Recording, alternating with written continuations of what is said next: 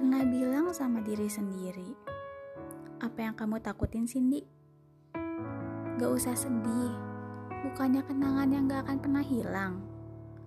Bukannya kenangannya akan selalu tersimpan rapi di ingatan.